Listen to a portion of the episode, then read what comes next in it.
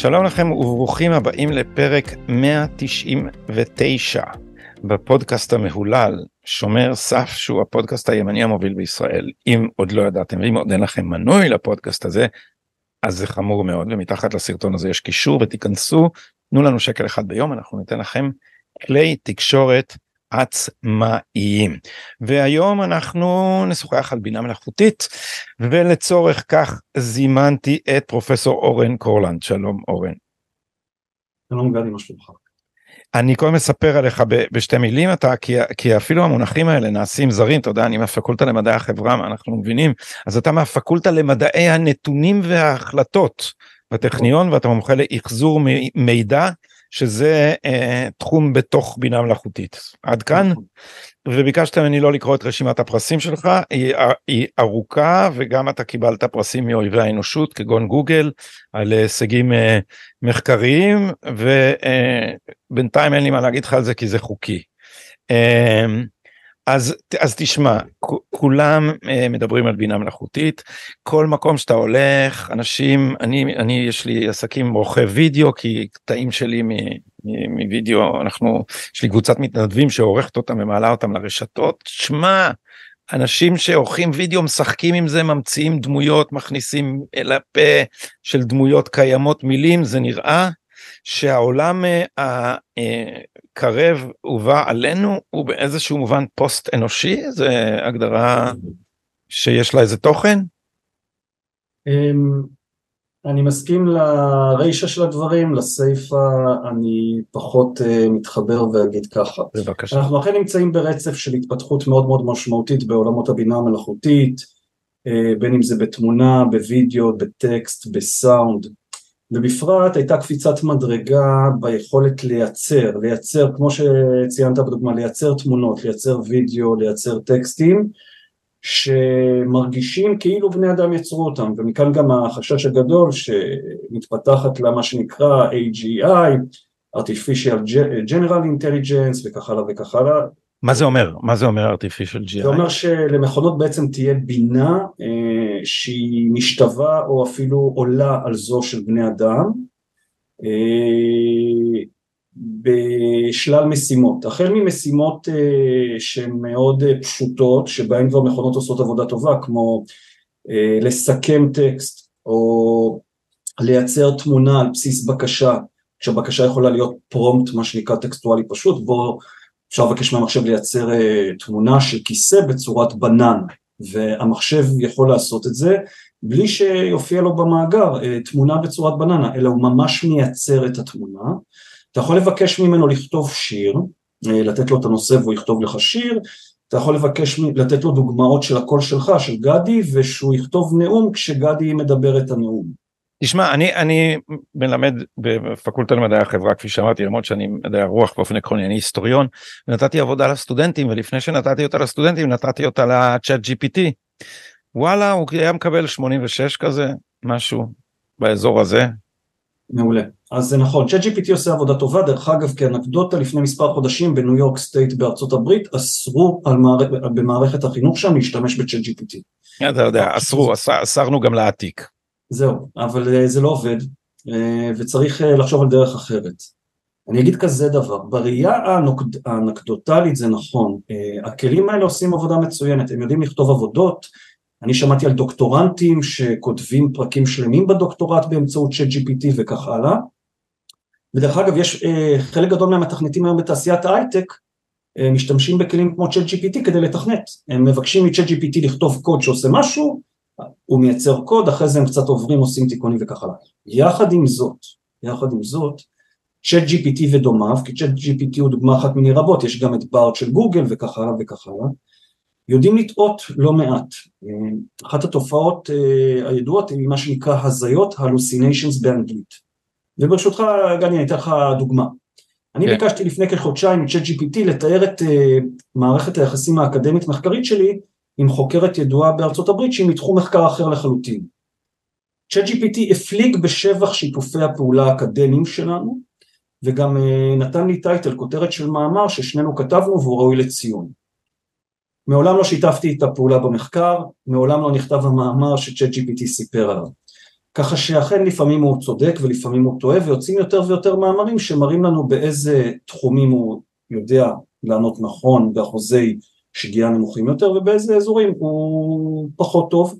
רגע אבל אתה לא יכול להגיד לו ת, תאר את השיתוף הפעולה האפשרי ביני לבינה ואל תמציא מאמרים לא קיימים אתה, אין, אין הוראה כזאת? אתה יכול ופה נכנס הסיפור של ה-conversation השיח כאשר אני שאלתי אותו לאחר מכן אם הוא בטוח ששיתפתי את הפעולה הוא לקח צעד אחד אחורה ואמר אה כנראה שלא היו שיתופי פעולה וזה מה שמאוד אוהבים אה, להגיד שהמודלים האלה שדרך אגב נקראים מודלי שפה לומדים מ-human feedback ומשתפרים כתוצאה מ-human feedback.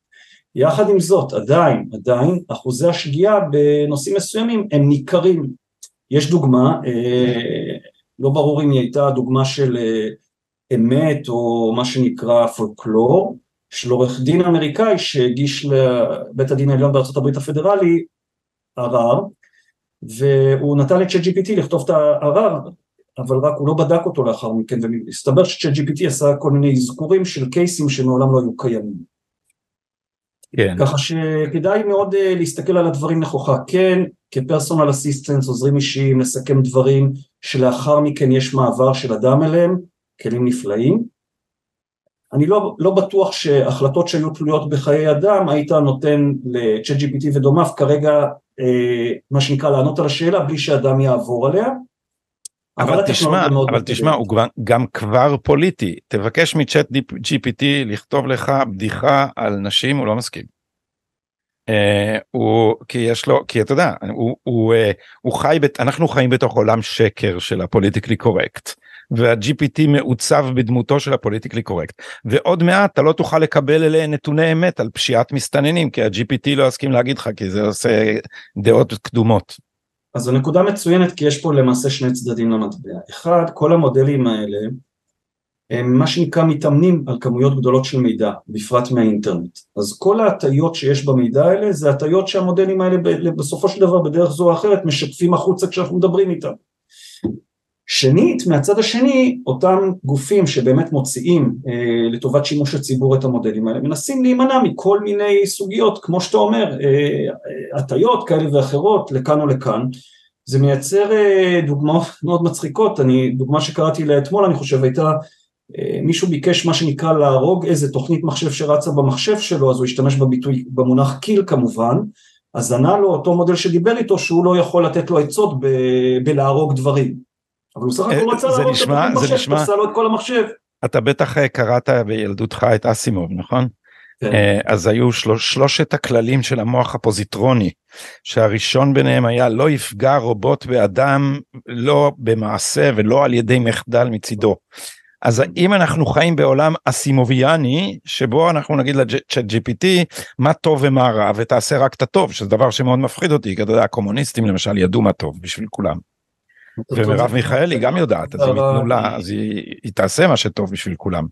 היא הגדרה בעייתית ופה צריך להסתכל על זה קצת בפרספקטיבה יותר גדולה לטעמי של כל עולם הבינה המלאכותית. אנחנו יכולים להכניס כל הטיה שלא נרצה לתוך המודלים האלה ואחרי זה הם ישדרו אותה החוצה. זאת אומרת אם אתה תרצה להחליט שמודל שאתה מוציא לעולם החוצה יש לו הטיה לטובת נשים אל מול גברים זה לא קשה לעשות את זה.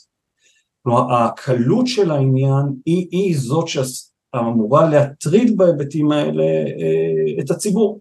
עכשיו זה לא שאני חושב שיש כוונת זדון, אבל כמו שאמרתי במאגרי המידע שלהם מתאמנים הדברים, המודלים האלה, יש הטיות, לדוגמה אם ניקח רפובליקנים לעומת דמוקרטים בארצות הברית ונאמן על הכתבים האלה מכונה כמו GPT, סליחה GPT שהוא הבסיס ל-GPT וניתן שם בעיקר כתבים דמוקרטיים אז באופן טבעי מה יקרה שתהיה לו הטיה דמוקרטית.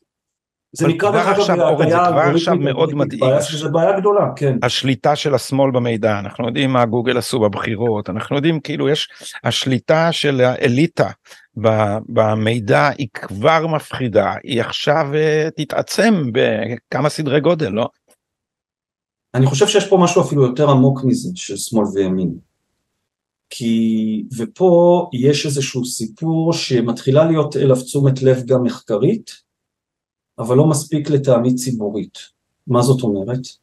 בהינתן שהכלים האלה יודעים לייצר בעצמם טקסטים, והטקסטים האלה יגיעו האינטרנט ומודלים חדשים ילמדו מהטקסטים שמכונות בעצמם מייצרות, אפשר יהיה ביותר קלות לייצר את אותן הטיות שאתה מתייחס אליהן. מה זאת אומרת?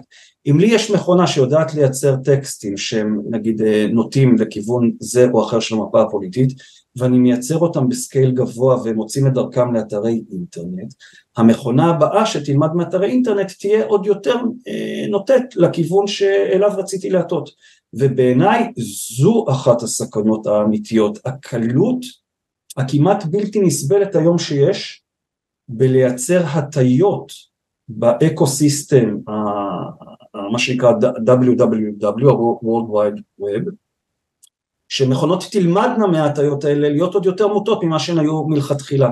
ואז אתה כבר לא צריך להגיד להן להיות מוטות, כי כל מה שאתה צריך זה לתת להן, אתה יודע, בסיס, כמו The Rich Gets Richer, נכון? בסיס מסוים כן. שהוא מוטה, הם ייצרו לך עוד חומר שהוא מוטה, מהחומר הזה ילמדו מכונות אחרות, ואם אתה שואל אותי זה אחד הסיכונים הגדולים שיש, ואני חושב שחלק לא קטן מהחוקרים המובילים בבינה מלאכותית אה, נתנו על זה את הדעת, אבל קשה מאוד דרך אגב אה, לשלוט בסיפור הזה, זה מאוד מאוד מורכב.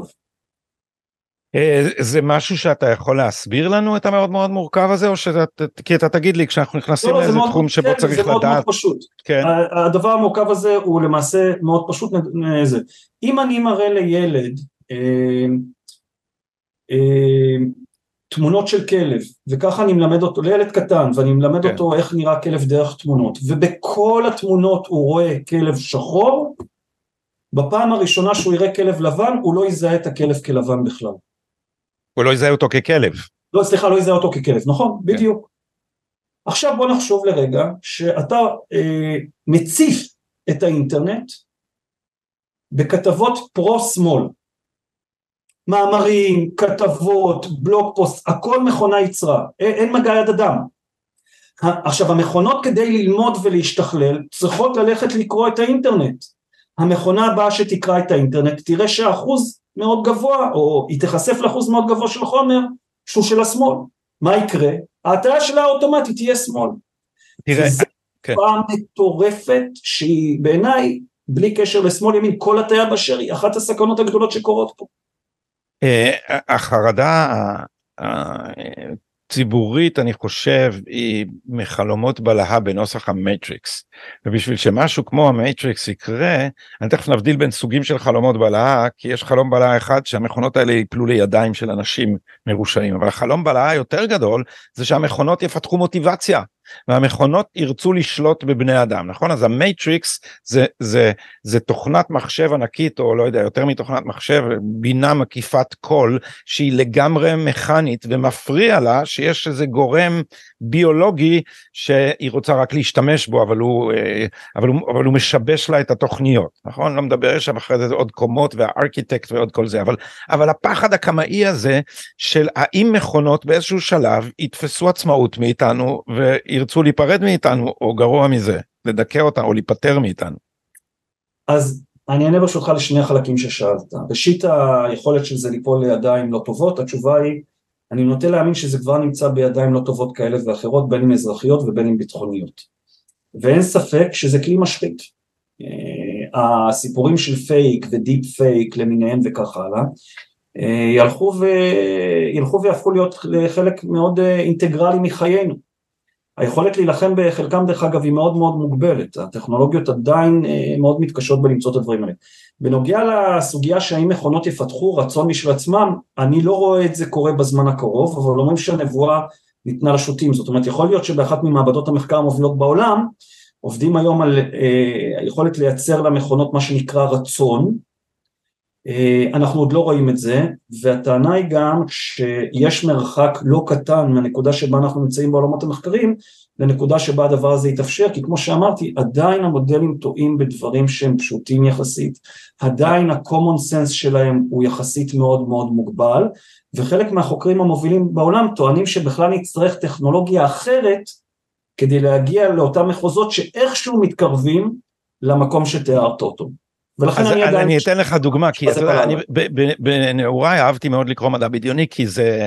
ואני גם מאוד אוהב את המדעים שלך, אני, אני מצטער שאני לא מתמצא בהם יותר, כי זה נושק לפילוסופיה בכל כך הרבה תחומים, ו, אה, ואני, וזכור לי סיפור מדע בדיוני שהיה די מהמם, נדמה לי שזה המחבר של חולית, פרנק הרברט, זה נקרא The Jesus Incident. ואם אני זוכר את זה נכון ויכול להיות שלא יש שם ספינה שנקלעת לכדור הארץ במקרה הזה והאסטרונאוטים באו אני לא יודע הצוות שלה אה, אומר למחשב ברגע האחרון שהמחשב חייב לדאוג להם לצורכי היסוד שלהם כי אחרת הם לא ישרדו בכוכב הזה. והמחשב ממציא דרך לעשות את זה על ידי זה שהוא מייסד דת בכוכב הזה והוא משעבד את תושבי הכוכב הזה למשימה של לדאוג למה שהצוות היה צריך. עכשיו הצוות מזמן מת, אז אתה נמצא על כוכב, וזה בפרנק הרברט בגאונותו, ויכול להיות שאני מסלף ומחבר פה סיפור לסיפור אחר, פשוט זכור לי השם הגאוני הזה, The Jesus Incident, מ, ה, ה, ה, לא יודע איך, המקרה של ישו, ואז המחשב יכול לייסד דת. כן, אז שוב, אה, הסיפור הוא מקסים, אני חושב שאנחנו עדיין רחוקים, יכול להיות שאני תמים, אה, כי יש עוד כמה בעיות שהן די פונדמנטל שצריך לפתור לפני שמגיעים לסיפור הזה. מה הן? תראה, זה נכון שאם היינו מדברים לפני עשר שנים והיינו מדברים על זה שאני אבקש ממכונה אה, לכתוב את כל המצגת שלי להרצאה הבאה בטכניון, ויש סיכוי שהיא תעשה את העבודה באופן לא רע, זה היה נראה וואו. אז כן עברו עשר שנים והקפיצה הטכנולוגית הייתה קפיצה מאוד מאוד גדולה. ואני חושב דרך אגב שהאייפ הציבורי הוא בפרט בגלל הסוגיה של ה-conversation, השיח עם המכונה. וזה מה ש-GPT בעצם הבין, הביא לשולחן כי, כי המודלים האלה היו גם לפני, שנה ושנתיים לפני. אבל ברגע ש-ChatGPT נפתח לציבור ואפשר לאנשים לשוחח איתו ואני קורא שאנשים מרגישים ש-ChatGPT הוא הפסיכולוג שלהם והם לא צריכים פסיכולוג אנושי אז תשמע משהו טוב קרה פה יחד עם זאת, החלטות בעולם הרפואה אקוטיות, אף אחד לא ייתן להם מכונות לקבל בלי שרופא יעבור על ההמלצות. אה, אני לא ממליץ לאף אחד לקבל את ההחלטות הפיננסיות שלו בצורה אה, מוחלטת על בסיס המכונה, למרות שיש תחום שלם שנקרא algorithmic trading בבורסה, שמכונות עושות מסחר ונשים אותו בצד. שוב, נשים אותו בצד אבל נחזור אליו, כי זה, זה, זה מרתק, כאילו אתה יכול לעשות כסף, עכשיו מכונה יכולה לעשות לך כסף במידת מהימנות יותר לא... גבוהה מברוקר? זה כבר קורה לא מעט שנים, hedge אה, funds אמריקאים משתמשים הרבה באלגוריתמים ומתמטיקה וככל שהבינה המלאכותית יותר מתקדמת עושים את זה, יש גם חברות ישראליות בתחום הזה, זה תחום שנקרא פינטק, אבל אני אגיד שוב, אמ, מאחר ואנחנו, זו טכנולוגיה חדשה, אנחנו עוד לא יודעים בוודאות להגיד באיזה תחומים בדיוק היא טועה ומה שיעור הטעות וחוקרים את זה ומתפרסמים לא מעט מאמרים כל יום שעובר, אה, מוקדם מאוד מלהכריז שכל הבעיות הבסיסיות שקשורות בשפה ובשיח ו... וכל מה שכרוך בזה נפתרו, מוקדם מדי, מוקדם מדי, לא כל שכן כל הסיפור על המטריקס באמת והעניין של מכונות תהיה למוטיבציה ונשלטו וכך הלאה.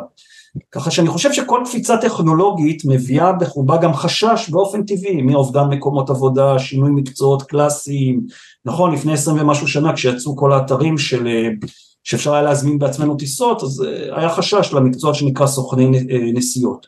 אבל בוא אני אספר לך אנקדוטה גדי, לפני 22 שנה ידעו כבר לקחת, אה, לאמן מכונה שאמרו לה הנה דוגמאות לטקסטים פוליטיים והנה דוגמאות לטקסטים על ספורט וכשהגיע טקסט חדש המכונה עצמה ידעה להגיד בדיוק של למעלה מ-90% אם הוא על ספורט או על פוליטיקה. זה כבר קרה לפני 20 שנה עם טכנולוגיות הרבה יותר פשוטות מאלה שמשתמשים בהם היום ואז אף אחד לא פחד שהעולם הולך אה, מה שנקרא להישלט על ידי מכונות. אני חושב שהקפיצה עכשיו היא יותר דרמטית זה נכון אבל עדיין כמו שאמרתי לא מעט טסקים לא מעט משימות עדיין יש לא מעט עבודה והחברות הגדולות ומכוני המחקר עובדים בזה כדי להביא את המודלים האלה לעשות את המשימות באמת ברמה שהיא רמה מה שנקרא acceptable.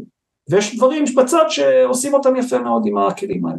אני תכף אה, אנסה לברר יחד איתך אם זה אפשרי להדיוטות להבין מה מהי אה, מה טבע הקפיצה אבל לפני זה אה, עוד משהו מתחום המדע הבדיוני. עוד סיפור שזכור לי זה על מושבת עונשין ב, ב, על הירח. בנו שבט עונשים על הירח של כדור הארץ בסיפור הזה. ואז היה שם מתכנת מחשבים הוא ניסה ללמד את המחשב המרכזי שמנהל את כל המכניקה של ה... אתה יודע כל מה שצריך בשביל לקיים חיים על הירח. הוא ניסה ללמד אותו מה זה הומור. אז הוא נתן לו מלא בדיחות. ו... ואז הוא אמר לו עכשיו תמציא בדיחה תעשה בדיחה בעצמך. אז המחשב הפך את הכיוון של הביוב בכל המושבה. אז מה תראה אני אגיד לך מאיפה מאיפה אני מסתכל על הדברים האלה ו, ואולי זה אומר משהו על, ה, על הבדיחה הזאת. שהמחשב מבין משהו מכני והמכני ככל שהוא נעשה יותר מדויק מתקרב למהותי איפה אנחנו רואים את זה? בזה שבוויכוח בין בלשנים על איך ללמד מחשב לתרגם, ניצח התרגום הסטטיסטי. במקום שאנחנו נתחיל להסביר למחשב את התוכן, אנחנו פשוט ניתן לו המון טקסטים, ואז כשהוא יראה ביטוי, הוא ידע לפי ההקשר לחשוב איך לתרגם אותו אה, כאן, ב- לא בגלל שהוא מבין משהו, אלא פשוט בגלל שזה הסטטיסטיקה המקיפה שלו על הופעת ביטויים אחד ליד, ליד השני, אה, מסבירה את זה. נכון, קודם כל אתה צודק שהסטטיסטיקה הזאת היא לב ליבו של כל הסיפור. כל המודלים האלה של GPT ודומיהם, אני יכול לספר בשורה אחת איך זה עובד, זה מאוד מאוד פשוט.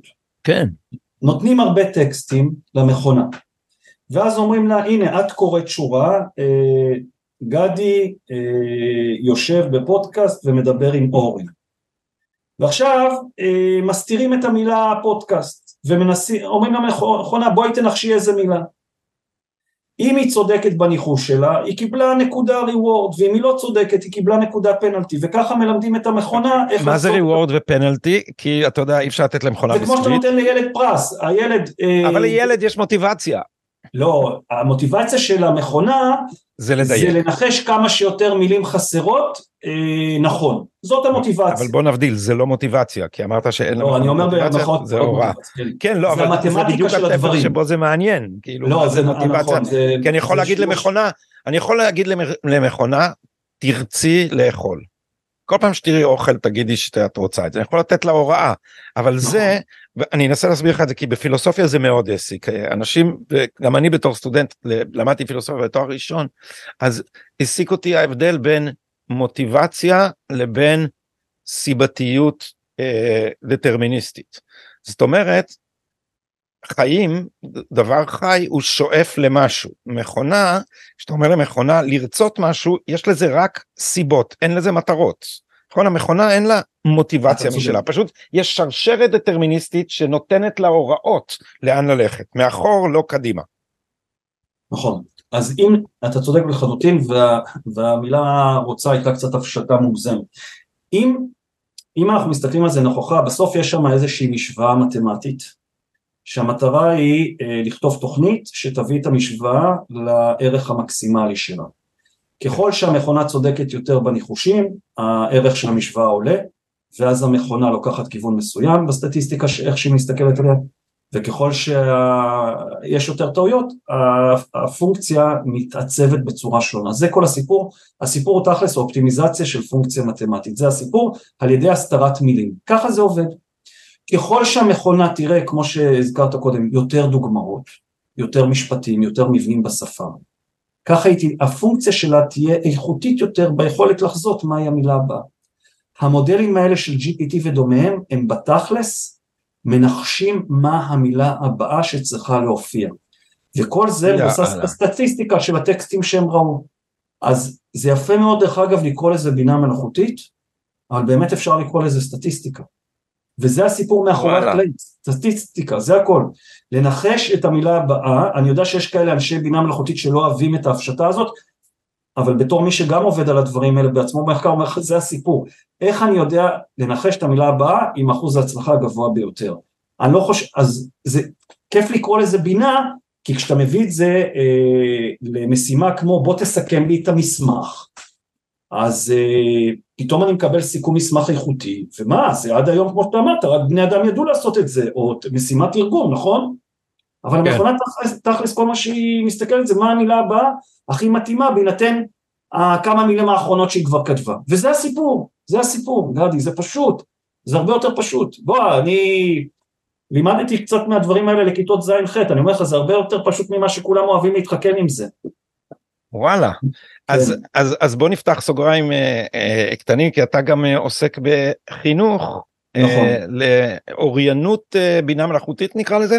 מעולה, זה בדיוק הסיפור. Uh, המוטיבציה הייתה כזו, הילדה שלי התחילה לימודי כיתה א' שנה שעברה בבית הספר, הייתה מנהלת חדשה, שאלתי אותה... זאת הילדה שהיא הבעלים של הבובות שמאחורי גבך פה? סליחה? הילדה זו הבעלים של הבובות שמאחורי כן? הילדה היא הבעלים של הבובות שנמצאות פה מאחוריי, הנה אני אתן. מבט יותר אה, רחב. הופה, כן, היא מסודרת גם. היא מאוד מסודרת, אה, והיחס היא יודעת לנחש מה הבובה הבאה? לא, אבל היא שאלה אותי איך גם, האמת, איך המוטיבציה הייתה, אז התחלתי להגיד, היא רואה ביוטיוב וטיק טוק, אז היא שאלה אותי, אבא, למה יוטיוב בוחר לי את הוידאו הבא שהוא מראה לי? והיא שאלה אותי יום אחד, למה הוידאו הבא בטיק טוק זה הוידאו הזה ולא וידאו אחר? וכמו ששמעתי, היא התחילה כיתה א', אמרתי למנהלת רותם ישראלי בבית הספר, אמרתי, תשמעי, בואי נעשה תוכנית בינה מלאכותית לכיתות ז'-ח'. למה? משני טעמים, אחד, בינה מלאכותית אה, משפיעה על קבלת ההחלטות שלנו, נכון? אנחנו נוהגים כמו שווייז אומר לנו לנהוג. ויש עוד הרבה דוגמאות לטכנולוגיות בינה מלאכותית שמשפיעות על קבלת ההחלטות שלנו. שתיים, ואתה הזכרת את זה יותר חשוב מזה, הן משפיעות על תפיסת המציאות שלנו ושל הילדים שלנו. אם הילדה שלי תראה רק וידאוים של, לא יודע מה, אנשי אה, שמאל קיצוני, יכול להיות שהיא תגדל להיות אשת שמאל קיצוני. ואז אה, אספתי צוות של אה, מתנדבים מייסדים מאוד מוכשרים. ואז אה, פשוט תיתן לה לינק לערוץ של הפודקאסט הזה וזה ירפא כן, אותה בדיוק. לגמרי. זה אחד הפתרונות הקלים יותר באמת. אה, צוות מייסדים בהתנדבות. ו- שומר סף GPT לשירותך. כן, אה, מיכל שר ישראל, ברק חכם ובשו"ת, וייסדנו תוכנית בינה מלאכותית אה, לכיתות ז'-ח', למדו אותה חצי שנה 28 תלמידים. הרעיון שלי מאחורי התוכנית היה הרעיון הבא, לא ללמד אותם איך להשתמש בזה, אלא להסביר להם במונחים המתמטיים הפשוטים של כיתות ז'-ח', איך זה עובד. כי אני מאמין שאם מבינים איך משהו עובד, הופכים להיות משתמשים יותר מושכלים ותבוניים של הטכנולוגיה וגם יותר ביקורתיים, ואני רציתי שהילדים יהפכו להיות יותר ביקורתיים. ומסתבר שאפשר, כמו שדיברנו עכשיו על איך עובד אה, GPT שזה סך הכל סטטיסטיקה. אז הסברנו להם איך גוגל מדרג דפים ביחס לשאילתה, ואיך אה, יוטיוב ממליץ לך על הוידאו הבא, והכל במתמטיקה של חיבור וכפל של מספרים, שתלמידים בכיתות ז'-ח' יודעים לעשות את זה. ואני חושב שהאוריינות? הזאת, והגדרת מאוד יפה, אוריינות בינה מלאכותית חשובה לילדים, בין אם זה ביסודי, בחטיבת הביניים בתיכון, כי זה העולם שעוטף אותנו, והרבה פעמים זה נראה כמו בלק מג'יק, נכון? וואו, תשמע, יש לזה תבונה כמו של בן אדם, זה מבין אותי, זה יודע מי אני, זה יודע איך אני חושב, איך אני מתנהג, בוא, בסופו של דבר זה סטטיסטיקה. אבל האם המכונה רואה איזה לסטטיסטיקה, וידאו אם צפיתי, והיא מבינה איזה וידאו כנראה אני ארצה לצפות בו בהמשך. תשמע, אני אה, בתחום שלי היה הוגה אדיר בשם אלכסיס דה טוקוויל שהבין את אמריקה אה, באמצע המאה ה-19 או בשליש הראשון של המאה ה-19 ותובנותיו עומדות עד היום. אה, אחת מתובנותיו הייתה שהדמוקרטיה והאינדיבידואליזם יחדיו ייצרו האחדה מפני שבחברות היררכיות יש גיוון. ואז יש לך דמויות מופת שאתה מסתכל למעלה ויש לך דמויות קלון שאתה מביט למטה ואתה ממקם את עצמך אה, ביחס אליהם. אתה יכול לנוע על איזה סולם. לעומת זאת בחברה שבה שוויון זאת הנחת היסוד ממי תקבל דוגמה? רק מלהסתכל הצידה אל מה עושים אנשים כמוך ואז כולם יעשו אותו דבר. זאת אומרת יהיה פה יהיה פה אה, אה, דחף לכיוון קונפורמיזם. עכשיו אתה מתאר לי את הבינה המלאכותית במונחים האלה של סטטיסטיקה האם המחשבים לא ייקחו אותנו להיות יותר ויותר דומים זה לזה? מפני, ש... מפני, שה... מפני שיאכילו את כולנו בדברים שאסימפטוטית מתקרבים לאיזה ממוצע כללי. אתה, איך אומרים, לא יכולת להיות סודוקי יותר בהבחנה שלך גדי. יכולתי, אני פשוט לא רוצה את כל התחמושת עכשיו עליך אורן לבזבז. יש, אה, יש תופעה בכל, אה, ממודלת בכלכלה שנקראת הרדינג אפקט, תופעת העדר וזה בדיוק מה שתיארת. אני יכול לספר לך על מחקר שעשינו בטכניון שבדיוק מתחבר למה שתיארת, אה, נתנו לסטודנטים בקורס לשחק את התפקיד של מקדמי אתרים וככה כל שבוע הם היו רואים איך האתרים שלהם מדורגים במנוע חיפוש ואנחנו התחלנו לשתול מסמכים שיהיו במקום הראשון, כי המטרה של הסטודנטים הייתה להיות במקום הראשון, ונחש מה? הם התחילו לחכות to mimic מה שקרה במסמך הראשון. אם המסמך הראשון נתן לנושא מסוים, בלי שנאמר להם בצורה שהיא גלויה, הם התחילו לכתוב על אותו תת נושא. אם המסמך הראשון היה לא רלוונטי לנושא, אבל בכל זאת הוא רק ראשון, הם התחילו לכתוב לא רלוונטי, תופעת העדר ואתה צודק. כל הכלים האלה, וככה על אחד החששות זה שהם ישתבללו לאזורים ספציפיים ותהיה תופעת עדר. ואז אפרופו דיברנו על תפיסת המציאות, תפיסת המציאות תושפע מלאן שהעדר הלך אליו, או יותר נכון לאן שהעדר הובל אליו. אבל אני יכול להיות איתך אפילו יותר ספציפי, אתה יודע, כאילו אם אנשים יתחילו, אתה אמרת להשתמש בצ'אט GPT בתור פסיכולוג. אז הצ'אט GPT, אני, אני אתאר לו משהו שקרה לי, והוא יענה לי, אתה יודע, פעם היו בדיחות כאלה על פסיכואנליזה, שמה שלא תגיד, אז הפסיכולוגיה יגיד לך, זה בגלל שאימא שלך לא אהבה אותך מספיק, או אהבה אותך יותר מדי, או משהו כזה. כן. פשוט המחשבים, ית... אז, אז, אז הצ'אט GPT הוא, הוא שואל סטטיסטית, נכון, הוא לא באמת מכיר אותי, אז אני פונה אליו באיזה שאלה פסיכולוגית, ואני אקבל תשובה גנרית, שהכי הרבה אנשים נענו לה, ואנחנו, אני, אני מתכוון, כלומר, אני רוצה לעשות את זה חי. כן. נכון, כי הסטטיסטיקה מדברת עוד פעם, כשאני רוצה לחזות את המילה הבאה, הסיכוי הכי טוב שלי זה מה הרוב, או איך נראים רוב המשפטים באינטרנט שהם דומים למשפט שלי, מה הייתה המילה הבאה בהם, נכון?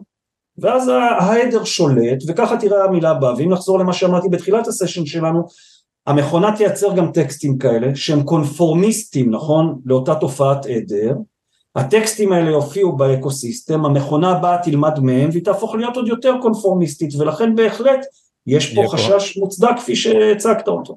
אם אני אתן למכונה אה, את המשימה הבאה, תכתבי לי את הטקסט הכי בלתי צפוי שאת יכולה. כן, אז אז יש אה, כלים אה, או טכניקות לשלוט בכמה מה שנקרא מכונה משתוללת, באיזה מובן, אני אתן לך אפילו דוגמה אחת. במקום ללכת למילה הבאה שהיא הכי אה, סטטיסטית, נראית הגיונית מבחינת המכונה, אתה יכול להגיד לה תשמעי, תסתכלי על המאה מילים שנראות הכי הגיוניות בסטטיסטיקה שלמדת ותגרי לי מהן מילה אחת. ואז אתה מגדיל את אותו אספקט שתיארת שזה. אה, להיות קצת בלתי צפוי. עדיין המכונה רוצה להישאר אה, קוהרנטית בטקסטים שהיא מייצרת, נכון? כי אם הם הפכו להיות ג'יבריש מוחלט, אה, יזרקו אותה מהר. אבל כן יש גם בכלים היום דרך לשלוט בככה שהם יהפכו להיות פחות צפויים, אבל נחש מה? יש את עקרון ה-No free הם פחות צפויים, ההלוסיניישנס שלהם גוברים. גוברים, השטויות שהם גוברים. ממציאים דברים, אתה יודע, מה שנקרא. חסרי כן. שחר. מעניין, כן. כי, כי מעניין, אתה יודע, מעניין יהיה להכניס למכונות סוריאליזם, תסבירו לי את בורכס, או סתם שירה. תכת, תראה, כי משורר, משורר גדול, נגיד אלתרמן, ומשורר אני חושב גדול בקנה מידה עולמי ממש, פשוט לא, אין הרבה אנשים ש, שדוברים עברית, יש לו טביעת אצבע רק של אלתרמן.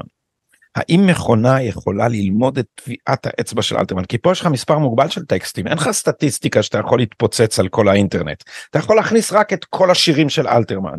ואז האם זה מספיק לה בשביל ללמוד אתה תגיד לה את יודעת האם מכונה תוכל פעם לכתוב לנו בניגון דומיות ושמיים העיר עד עיניה מוצפת איך אצא לעבור לבדי בשקיפות המבול השקט מרשתות הזהב הדולק נחלצה איילתי המרצפת לפנינו גבהו על הגבול הרקיע הקר והעט הכריחו אותי בתיכון ללמוד שירים של אלתרמן בעל פה אני אסיר תודה על זה עד היום האם מכונה כן. תוכל פעם לכתוב טקסט כזה.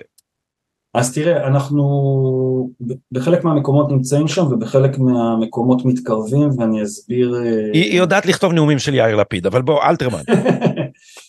זה לא הסיפור ופה כדאי לשפוך על זה קצת אור. אה, אתה צודק, אין מספיק טקסטים של אלתרמן ללמוד מהם.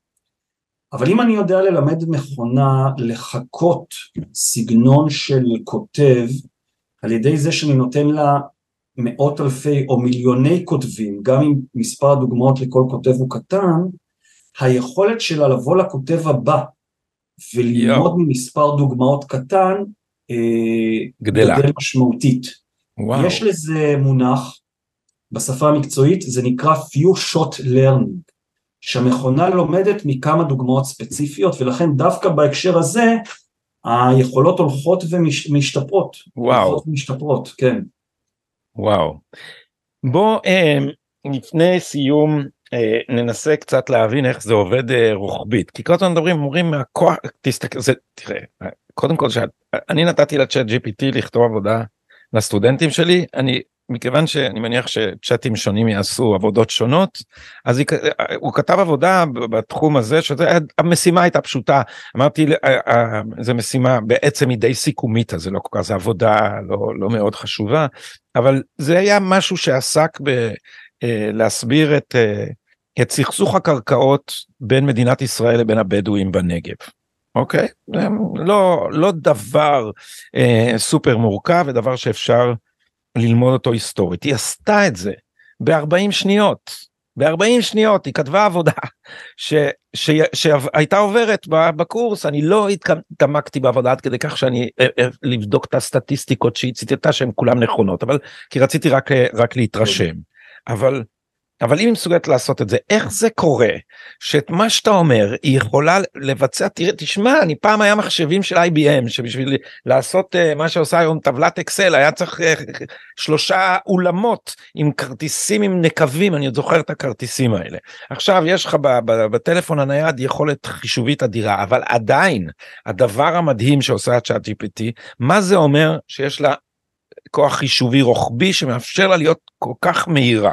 או, אז זו שאלה מצוינת, ודרך אגב אני חייב כאנקדוטה לזה שאתה נותן, שלפני חודשיים קולגה שלי אה, באוניברסיטה בריטית שמלמדת אה, linguistics, בלשנות, סיפרה לי שכל העבודות שהוגשו לה, כולן היו כתובות בצ'אט GPT וכולם היו קרפ מוחלט.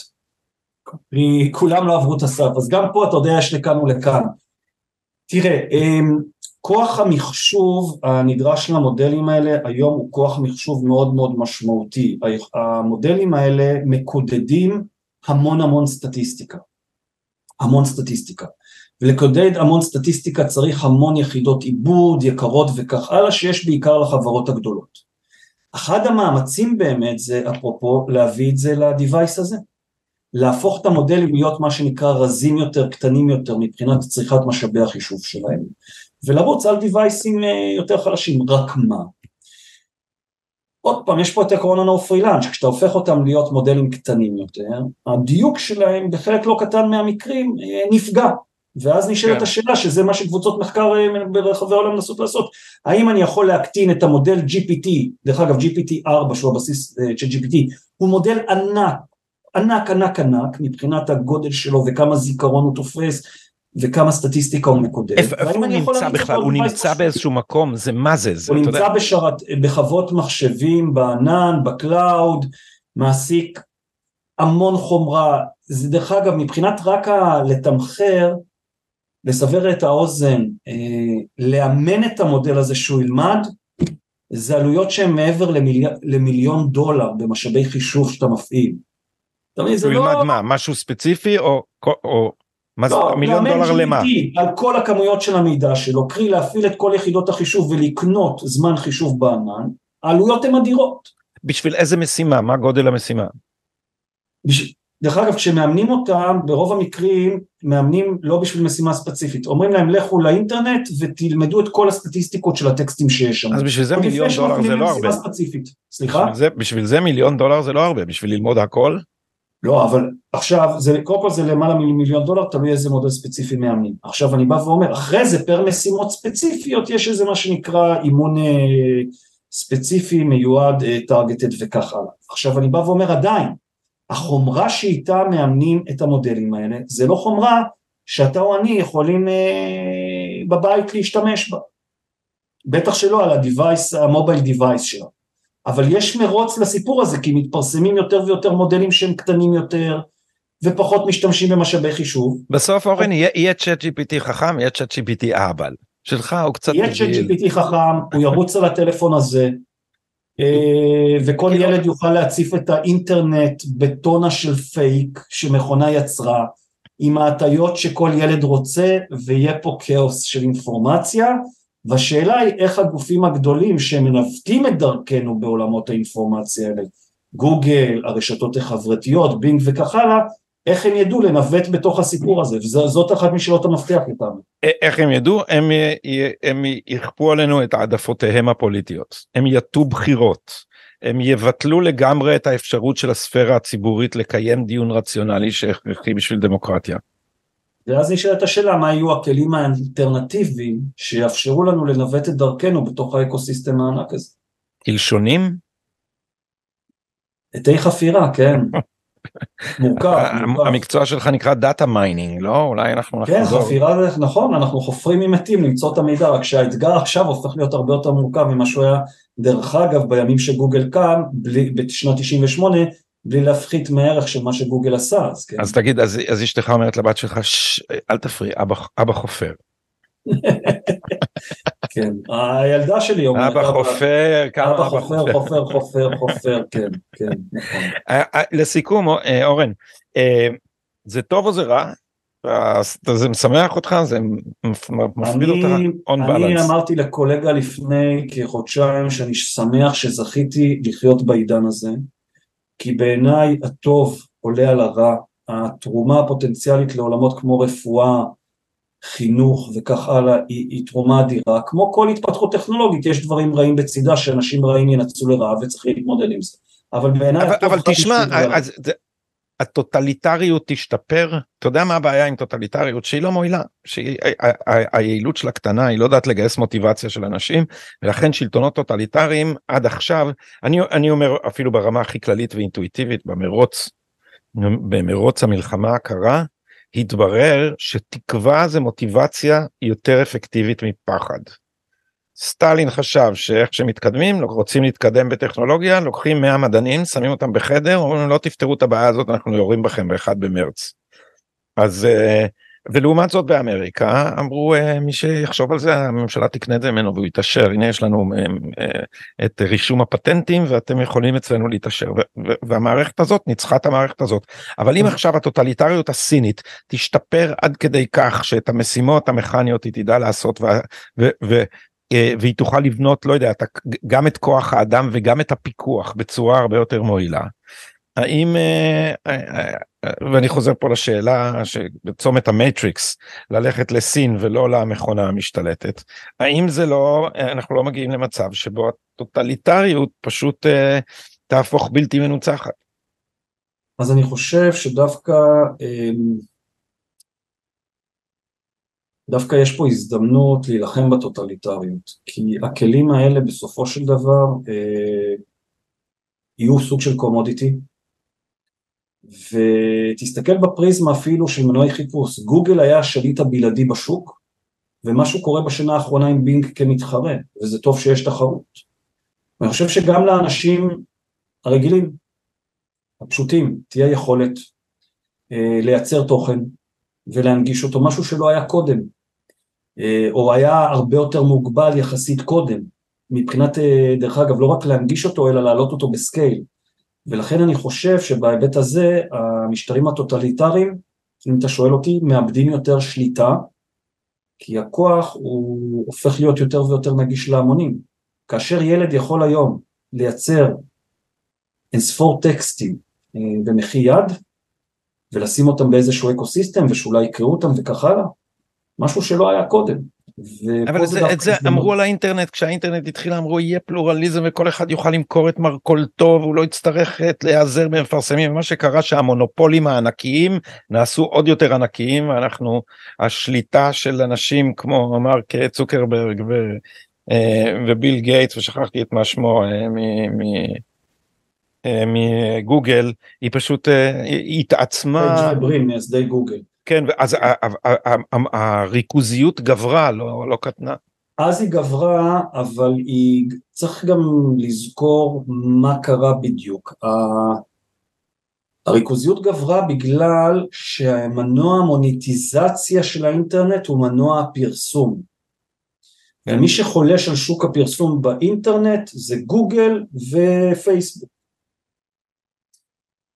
היכולת לייצר תכנים הייתה תמיד, השאלה אם יש נגישות לתכנים האלה, כלומר, כמו שדיברנו קודם, האם כשאתה שואל שאילתה מסוימת, האם גוגל יפנה את הקוראים שלו אל התכנים המסוימים, מה שאני טוען זה שהתחרות לגוגל תלך ותגבר כתוצאה מהטכנולוגיות האלה, וזה בדיוק מה שקורה דרך אגב עם בינג, עם השת"פ עם OpenAI וספציפית של GPT, ואני חושב שתהיה פה הזדמנות לגופים יותר קטנים להיכנס למשחק. איך עולם הפרסום דרך אגב עצמו יושפע מהסיפור הזה?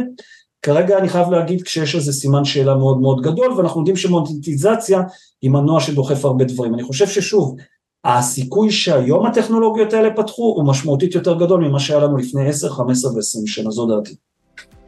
פרופסור אורן קורלנד, אני אה, מאוד מודה לך על השיחה המרתקת הזאת.